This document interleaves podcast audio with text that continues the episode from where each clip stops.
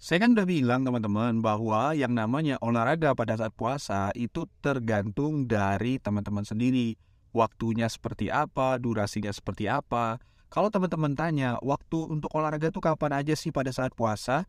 Teman-teman bisa pilih, teman-teman bisa mau olahraga after sahur atau after subuh. Teman-teman bisa pilih misalnya eh, satu dua jam sebelum berbuka atau misalnya pada saat habis berbuka atau misalnya habis sholat tarawih. It's up to you ya.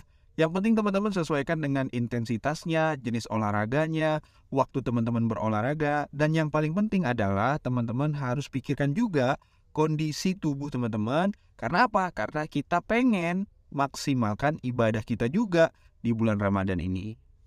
Salam sehat.